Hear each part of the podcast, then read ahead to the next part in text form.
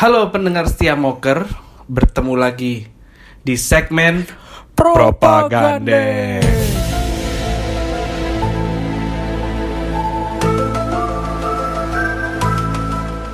Bertemu lagi di segmen kita kali ini dengan saya Gary Primera. Dan saya Rizky. Kita di sini sudah di episode atau part keempat nih, lanjutan dari yang kemarin-kemarin. Kita pertama udah ngomongin Uh, apa mul pertama liburan. liburan. ternyata waktu liburan udah kita apa menemukan satu konspirasi dalam satu bangunan yang kita kunjungin Ya. Hmm, terus juga ada kita ngomongin brand juga terus kita ngomongin zodiak udah Iya. juga nah sekarang kita berpikir aja eh, sebelumnya nih orang mau cerita dulu nih mul Cerita apa, Ger? Kok akhir-akhir ini juga kan kita tuh apa ya suka ngelihat teman-teman kita kok udah pada edan-edan gitu ya Mantep ya. maksudnya dia udah kayaknya kok kita ngerasa selalu dia tuh satu step di atas kita gitu Hmm, hmm, hmm, hmm. misalkan ada ya udah ada yang menemukan jalannya lah gitu padahal kita di sini ini orang masih sebagai pegawai korporat Anjir. Berangkat. Nine, masih 9 to 5. 9 to 5 berangkat jam 8 pulang jam 5 setiap hari tapi 9 to 5 9 anjing. oh iya ya Ya udahlah. oke kita ralat ya 8 to 5 8 to 5. pokoknya 8 jam kerja mau Hmm. Nah terus ya kok lihat Instagram orang gitu. Ini kok orang-orang kok kerjanya enak banget ya. Ada yang fotografer terus videografer gitu. Mm-mm. Kerjanya jalan-jalan mulu. Ada yang jadi penyanyi, ada yang jadi artis. Ada yang tiap hari story-nya WIP mulu WIP. Oh, anjing. Yang story-nya gini, Ger. Dari kaki dari bawah. Sepatunya Adidas Yeezy. Terus depannya proyek. Anjir, itu menunjukkan Iya, proyek ya? 2M, proyek 2M. ini orang udah oh ini nih udah Berhasil aku ini dalam Siap. hidup ini. untuk menghadapi hidup gitu ya. Anjir. Lah kita di sini mul masih begini. Masih mencari-cari, bingung. Kadang-kadang suka iri juga ya Iya. orang-orang itu ya. Itu kenapa ya mul ya? Mungkin kita lagi terjebak nih, Ger. Dalam sebuah Nostalgia. fase yang dinamakan Terjebak dalam nostalgia bukan? anjing Raisa. Lagunya Raisa ya itu nggak salah. Terjebak dalam sebuah fase Apa itu? yang dinamakan quarter life crisis. Anjing. Quarter life crisis. Crisis. Wah, apa itu mul? Sebenarnya kalau yang aing tangkap si quarter life crisis ini adalah sebuah krisis, Ger. Sebuah krisis di mana apa namanya? Quarter life ini pede banget ya yang bikin nama ini krisis seperempat abad. Kayak hidup kita bakal Bakal 100 seabad tahun. aja anjing. Iya. Goblok. yang merujuk pada keadaan emosional yang umumnya dialami oleh orang-orang berusia 20 hingga 30. Ini range umur kita banget ini sebenarnya. Oh gitu. Lah umur mana berapa? 24 ya. Mana? 26. What? Tahun ini 26. Hmm. Oh, pantesan ini ber- apa?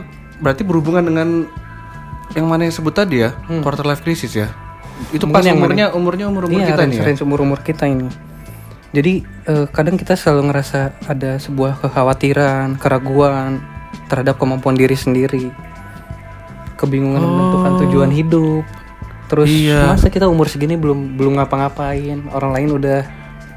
Iya bener banget ya gitu. Iya, iya. Persis sih. Hmm, Kok aku kok kayaknya kok hidupku menderita. Tapi hidup teman-temanku bahagia. bahagia. Padahal di balik kebahagiaan itu mungkin nggak tahu juga nih. Sosial media tuh gitu ya, nunjukinnya tuh yang bagus-bagus gitu Iya. loh. Mungkin di baliknya dia tidak sebahagia itu kali ya. Bisa jadi. Nah, jadi ini eh, ngomong-ngomong soal quarter life crisis ya, teman-teman. Itu ada kayak tanda-tanda atau sesuatu yang pasti dialamin di usia 20 sampai dengan berapa tadi Mul? 30 tahun. Sampai dengan 30 tahun. Ada gejalanya ya, Ger. Iya, gejala-gejala gitu kayak apa? Gempa. Waduh, kayak terus tiba-tiba eh, menggigil Oh, gitu. anjing. Gejala flu itu ya. Santet. Oh, mana di usia ini mana malah pernah disantet nih? Oh enggak amit-amit Allah. jangan sampai. Kalau orang pernah di kayaknya kena kena ini deh mul. Karena santet Sagitarius kayaknya. itu bukan. Kalau santet itu itu oh santet ya itu namanya ya. kalau sampai Kesemsem. kesemsem itu apa namanya? Kayaknya orang juga ngalamin sih itu tiba-tiba kayak wah sama orang ini tuh kayak pengen orang kejar terus gitu. Anjrit. Itu santet sih kayaknya. Padahal biasa aja orangnya. Oke lanjut ya. Iya. Oke terus eh ya empat empat gejala yang akan dialami dengan di usia 20 sampai 30 tahun yaitu quarter life crisis. Yang pertama adalah dilema habis lulus, habis lulus kuliah, kerja atau S2. Anjir, ini banyak banget yang kira. Aing pengen cerita juga nih di sini. Nah, Dulu ada Aing cerita. pertama lulus nyoba-nyobain kerja ya. Kayak anjir nggak cocok, orang cabut, nggak cocok, orang cabut. Apakah Ya. aing tidak cocok bekerja ya? Apakah aing harus S2 ya? Pengen sekolah lagi gitu ya. Ah, mana Sempet. mul? Susah-susah keluar masuk lagi Iya ya. kan, masuk ke tempat yang sama lagi anjing. Sempet diskusi juga gitu orang sama apa sama dosen orang. Kamu ngapain aja selama ini ya? Udah gue ceritain gini gini gini gini gini. Terus masalahnya apa aja gini gini gini. Terus aku cerita pengen lanjut S2 karena dulu tuh aku cita-cita ingin jadi dosen GR. Oh, oke. Cuman Keren juga. terakhir aku keluar dari pekerjaan aku itu jadi si si bosnya ini bilang ke aku pada pada waktu itu bahwa eh, intinya gini ya lu mau ya udah lu mau keluar kerja terus alasan lu keluar kerja gara-gara pengen S2 nah jangan Mana sampai. waktu itu gitu alasannya? iya ini alasan gara-gara. Tapi emang di situ orang Alasan aman sekali iya alasan aman karena kalau misalkan ditawarin perusahaan lain kayak anjing ditawarin berapa lu? Gitu kan. Cuman kalau alasan untuk kuliah dia agak wah ya udah. Oke. cuman gini apa eh, dia bilang nih yang sampai terngiang-ngiang di kepala aing eh, Apa itu? dia bilang bahwa jangan sampai alasan kamu menjadi ya pengen S2 ini adalah karena kamu ingin keluar dari kehidupan pekerjaan ini Ger Oh, si yang Karena- itu kayaknya nyadar-nyadar juga Iya, nih. agak- agak anak nyadar alasan juga. doang nih. Mm-mm. Tipe-tipenya mah nggak akan sekolah lagi nih anak kayak gini. kayaknya. dikadalin nih aing Orang dananan compang-camping begini masa S2 lagi bilang gitu. Terus terus ya udah di situ aing nggak nggak begitu mikirin ya karena oh ya udah jalanin dulu aja nah pas pas orang ceritanya udah mulai mempersiapkan S2 ini ya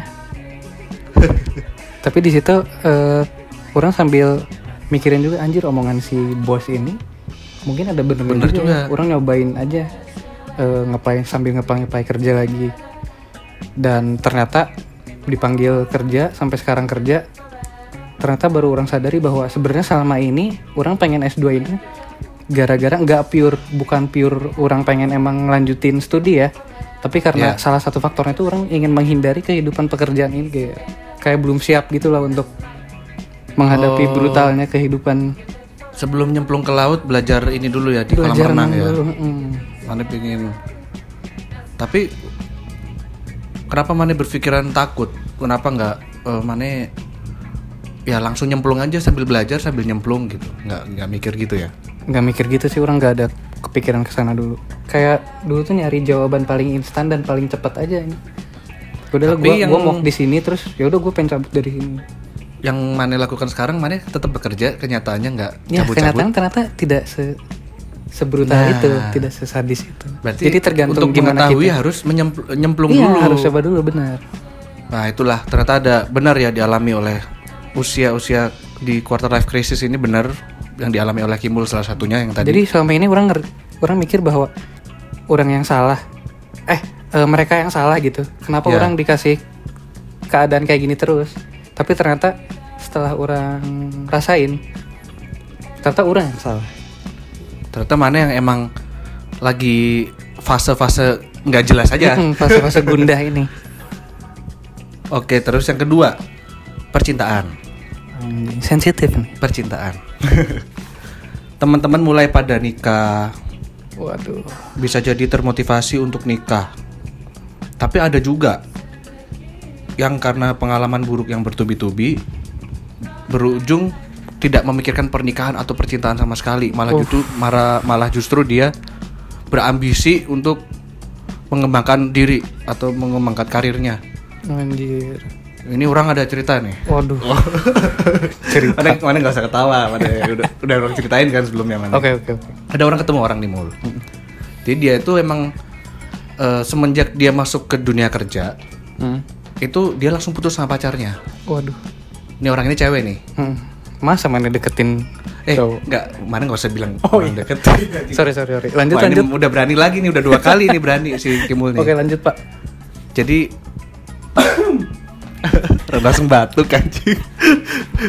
ya pokoknya orang ini itu dia langsung putus sama pacarnya. Padahal dia pacaran dua setengah tahun. Hmm. Putus gara-gara cewek ini waktu kerja itu langsung sifatnya berubah drastis. Karena dia eh, setotal itu sama kerjaannya. Bahkan keluarganya, orang-orang di sekitarnya pun tuh mengingatkan dia kayak dia tuh jangan terlalu segitunya lah sama pekerjaan. Terus eh, dia jadi dianggap kayak orangnya tidak peka. Jadi dia punya jadi orangnya jadi tidak memikirkan diri sendiri.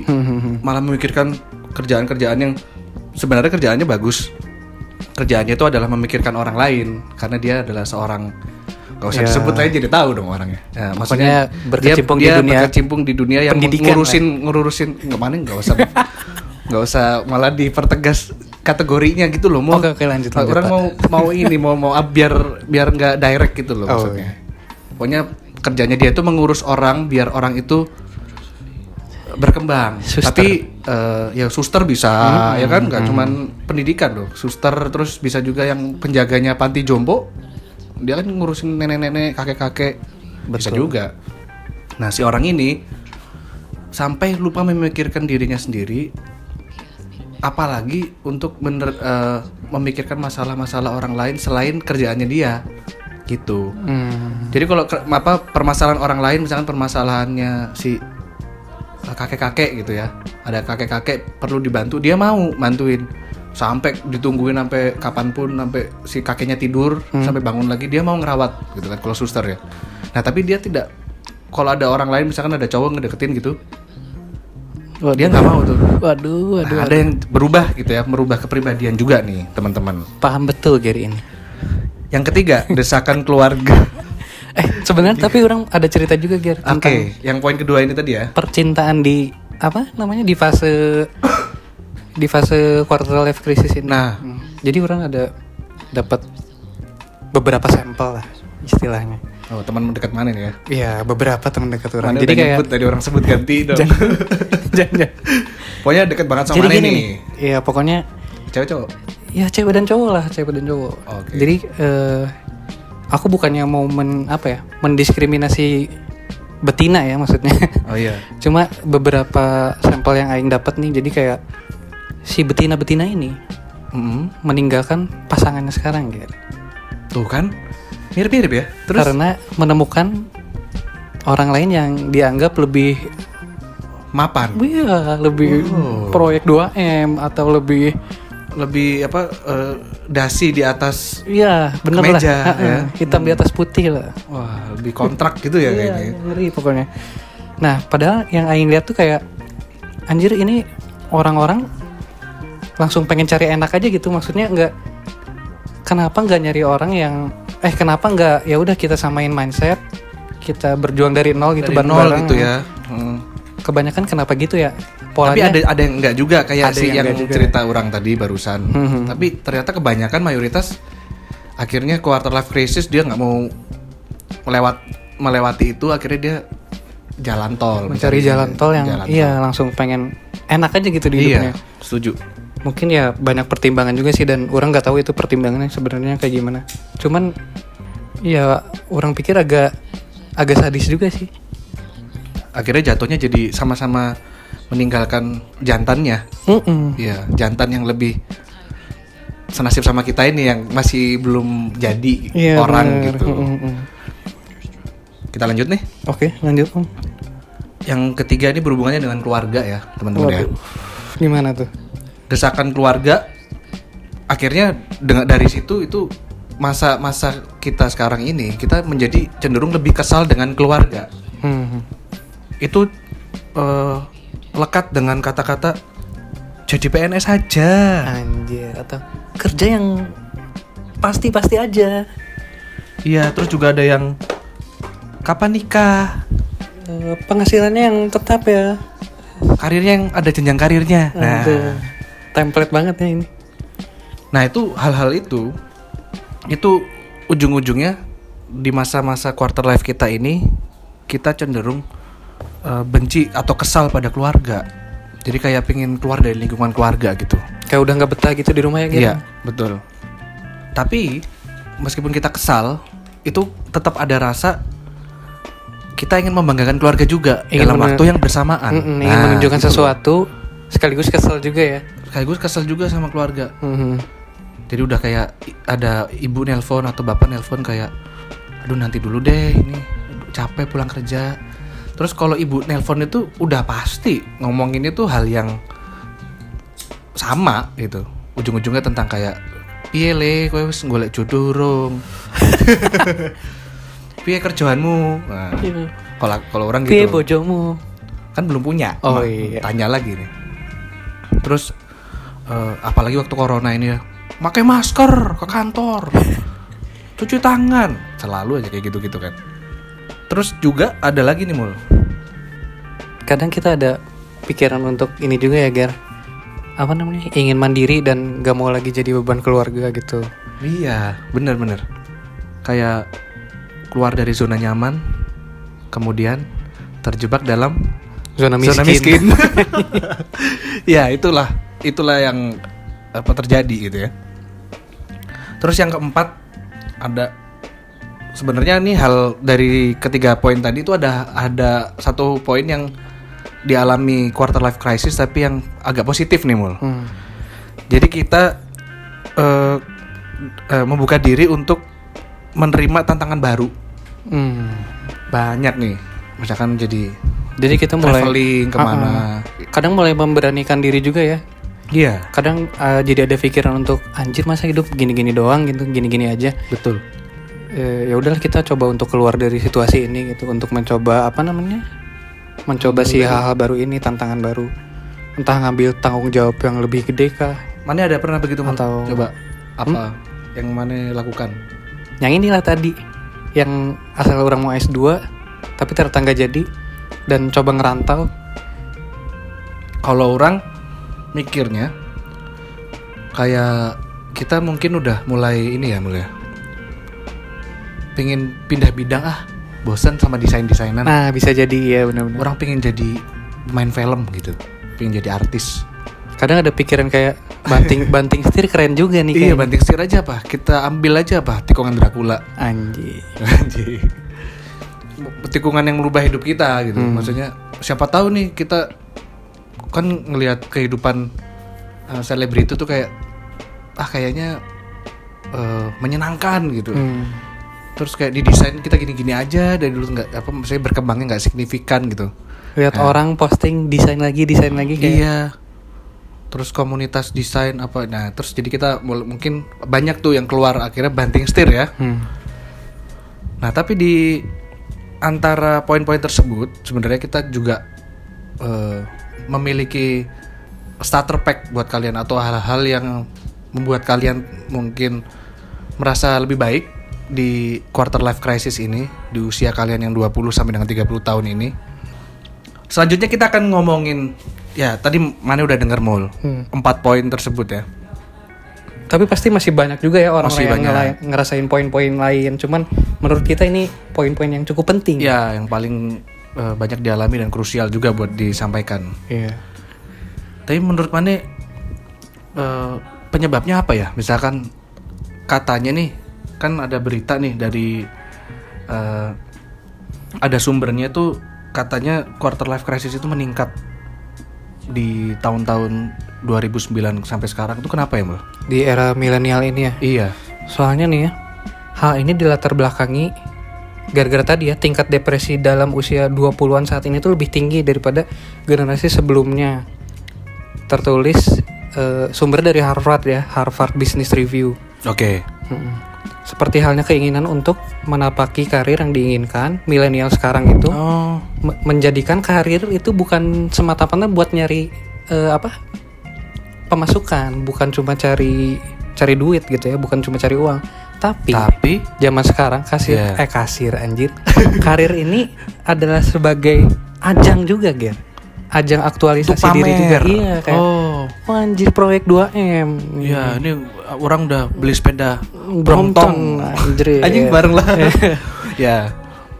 Untuk mewujudkan impiannya. Jadi kayak ajang pamer juga nih sekarang. Jadi nggak cuman kita berkarir untuk belajar atau mencari uang aja ya. Hmm. Tapi orang-orang udah memanfaatkan berkarir itu sebagai eh, baju ya. Nah ini yang Atau menurut fashion orang ya? ini yang jadi yang apa salah satu faktor yang naikin tingkat depresi zaman sekarang tuh ini Oh. dari si sosial media juga karena ya tadi banyak orang yang post-post tentang kehidupan pribadinya atau apalah kerjaannya proyek 2M-nya lah. Jadi eh, kadang kita ngebanding-bandingin sama orang itu. Jadi mungkin sebagian orang mengalami hal kayak iri Mm-mm. terus kayak membanding-bandingkan pokoknya hidup kita yang paling menderita itu tuh gara-gara kita sering buka sosial media ya. Iya, Terutama kalau orang Instagram sih mul ngeri ya. kayak misalkan eh, oh si ini dia udah punya ini gitu ya. Bener-bener. Punya apa pun ya bisa punya istri, bisa punya udah beli eh, Beli udah anjing punya- baru. Apa? Beli anjing baru. Iya. Atau enggak beli beli odading baru anjing. Odading mang oleh. dading aja dipamerin sekarang kan. Odading mang oleh. Rasanya anjing banget. Kayak beruk aja. iya anjing goblok. ya pokoknya dia kayak gitu. Jadi pamer eh, bukan pamer sih maksudnya. Mungkin emang- tanpa tanpa dia sadari ya dia. Iya. Cuman kan ya pendapat orang kan bisa beda-beda. Tapi itu yang eh, mungkin memang yang paling berpengaruh itu Iya sih. iya iya. Kita jadi ngelihat itu terus oh ternyata kita belum sampai situ jadi kayak ngerasa wah Depresi. depresi atau aduh aku Merasa dunia tidak adil. iya kayak gitu-gitu ya. Berarti sosial media ini berpengaruh ya teman-teman ya. Pengaruhnya sadis. Berpengaruh. Oke. Bahkan nih Hmm. orang pernah eh, mendengar cerita kalau di tahun 2009 sampai dengan eh, hari ini Hmm. itu tingkat bunuh diri dari eh, orang-orang yang mengalami quarter life crisis dan juga pre apa eh, orang yang masih Remaja lah. remaja Iya. Belum Itu masuk ke meningkat. rentan itu ya. Mm, iya dia meningkat tingkat grafisnya grafiknya disebabkan oleh eh, sosial media Oh jadi si yang orang tangkap sih si kurvanya itu meningkat, kurva depresi ini atau kurva ya bunuh diri dan lain sebagainya suicidal complex ya. meningkat bareng dengan naiknya si eh, platform-platform sosial perkembangan media ini. ya? platform sosial media Mhm. iya betul itulah yang terjadi dan apa karena kita sudah mengalami sindrom ini ditambah lagi dengan sosial media itu tentunya tidak menjadi hal yang baik ya Hmm, jadi rumput tetangga lebih hijau, hijau daripada, daripada, rumput, rumput kebon rumput odading itu apa sih mau maksudnya Anjing banget rasanya. itu mana kerjanya nonton itu mulu ya? iya iya, sampai Diulang-ulang. sampai anjir masuk ke alam bawah sadar aja. orang bayangin mukanya lagi aja si orang itu siapa sih namanya Ini londok, ada londok. ade ade namanya Ya, itu orang Cimahi itu gitu-gitu emang Anjir jangan itu bukan orang Cimahi. satu kampung sama maneh itu sekampung nah eh, kemudian tidak hanya membahas quarter life crisisnya saja dan hal-hal negatifnya saja di sini kita juga memberikan informasi bagaimana kalian menghadapinya juga mall Ini jatuhnya sebagai saran aja ya. Iya. Jadi tergantung pada eh, diri kita masing-masing ya, mau Betul. gimana menanggapinya. nah eh, cara untuk kita punya starter pack nih Anjir. beberapa starter pack untuk siap-siap di eh, fase ini yaitu yang pertama bersyukur dalam segala hal dan mencintai diri sendiri wah itu bener sih Mul. Penting banget ya ini. Kayak capek banget kita eh, apa ngebanding-bandingin diri sama orang, tapi cobalah kita bersyukur. Walaupun kita masih gembel gini, mungkin ada yang lebih gembel dari kita ya, Ger. iya kita ngeliat ke bawah ya Iya, coba lihat ke bawah terus eh, apa namanya? yang kedua stop berpikir. Hidup kita paling menderita yang tadi. Gara-gara kita ngebanding-bandingin sama orang lain itu ya. Pencapaiannya udah Iya. sampai mana. Jadi yang kurang tangkap sih nggak usah nganggap diri kita spesial. Nggak usah lah nganggap dunia ini mengorbit pada diri kita. Dan juga kita kayak apa eh, hitungannya mending kita mengurangi eh, hal-hal yang bi- bisa memicu itu juga. Mm, kayak ya udah ngurangin apa namanya Ngurang- ngurangin lihat-lihat profil orang lah. Teman-teman lu tuh yang udah pada nikah, unfollow aja semua. Atau yang udah punya eh, mobil Ferrari gitu ya, udah unfollow aja lah, udah. Notifikasinya paling nggak lu mute lah. nah iya beberapa mungkin ya ini penggunaan si sosmed sosmed ini lumayan sadis ya Iya betul. mungkin kita cukup ya matiin semua notifikasi yang gak penting lah Iya kayak betul. terus eh, algoritma si apa media sosial ini ternyata yang orang tangkap nggak ini ger nggak nggak ngasih pokoknya nggak ada nilai baik dan buruk itu tergantung gimana kita ngegunain si si media sosialnya ini sih Harus karena- bijak aja lah Iya, ya, harus gitu bijak ya. aja jadi ya jangan terus-terusan kita ngeklik rekomendasi buat kita mending kita search aja kalau misalkan mau nyari sesuatu nggak usah ngeklik karena semakin kita ngeklik si rekomendasi ini si Iya. algoritmanya itu semakin bekerja semakin ngaruhin diri kita juga gitu semakin Oh. semakin itu itu aja yang keluar Jadi maksud mana gini mul, kalau kita nurut dengan rekomendasinya si AI ini si ya ada kecerdasan buatan yang dibuat untuk mempelajari diri kita ya di sosial media ini, itu berarti kita makin kayak dibentuk oleh si Iya, makin mereka makin ngebentuk perilaku kita perilaku juga kita. Hmm. Iya iya betul betul. Nah yang ketiga ini adalah sebenarnya yang eh, sekarang orang pengen lakuin juga sih. Apa Yaitu tuh? orang pengen mengupgrade diri sendiri, Anjir. pengen mengembangkan diri Bener-bener. di era-era ini tuh kalau kita kebanyakan lihat kanan kiri kayaknya kita akan eh, diam di tempat ya. Hmm. Jadi mending kita maju aja ngembangin ya ngapain kek bikin karya apa gitu nggak harus desain ya. Hmm. Misalkan bikin apa bikin apa terus mulai eh, menambah pengalaman segala macem. Nah Iya. dengan seperti itu kan kita bisa jadi percaya diri. Benar benar benar. Kalau misalkan orang eh, dia punya project bikin gedung, kita juga punya project dengan mungkin dengan nilai yang sama tapi bukan gedung gitu. Bisa Iya, jadi iya. project kita apa kek bikin UFO gitu. Atau ngidupin lagi dinosaurus gitu. Nah, misalkan kita bisa rekayasa genetik gitu. Nah, itu misalkan itu, itu juga termasuk fundamental ya. Hmm.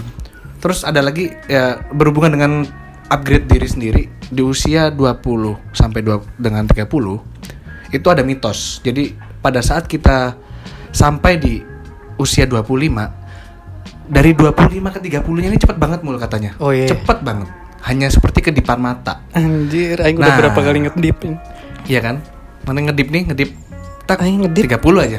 Kalau Maneh tidak bergerak dan tidak dan tetap menghiraukan ketakutan-ketakutan Maneh, Maneh akan seperti itu. Jadi tiba-tiba 30 Maneh tetap nggak punya apa-apa, tidak punya karya, tidak punya sesuatu yang fundamental. Makanya sesuatu yang fundamental dalam diri kita harus mulai kita bangun dari sekarang. Betul. Sebenarnya ini nih.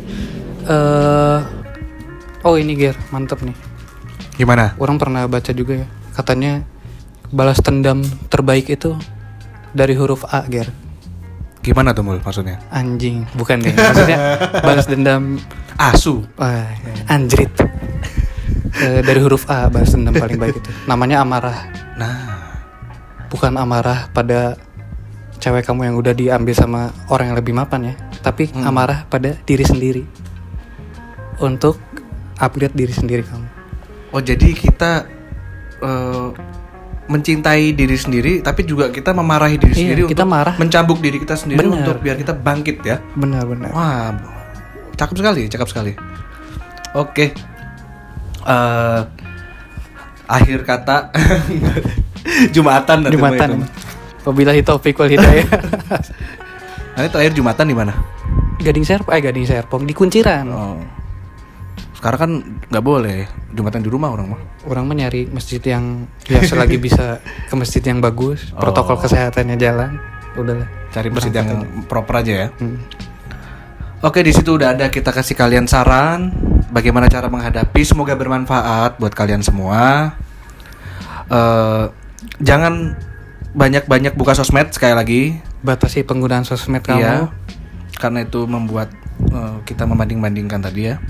Lalu yang kedua adalah kalian semoga kalian cepat menemukan tujuan hidup kalian maupun itu karir, jodoh dan hobi yang akhirnya nanti bisa eh, membuat kalian bahagia sampai hari tua. Betul sekali. Itu aja. Saya Gary Primera undur diri. Dan saya Rizky undur diri juga karena ngikutin Gary. Sampai jumpa di episode selanjutnya.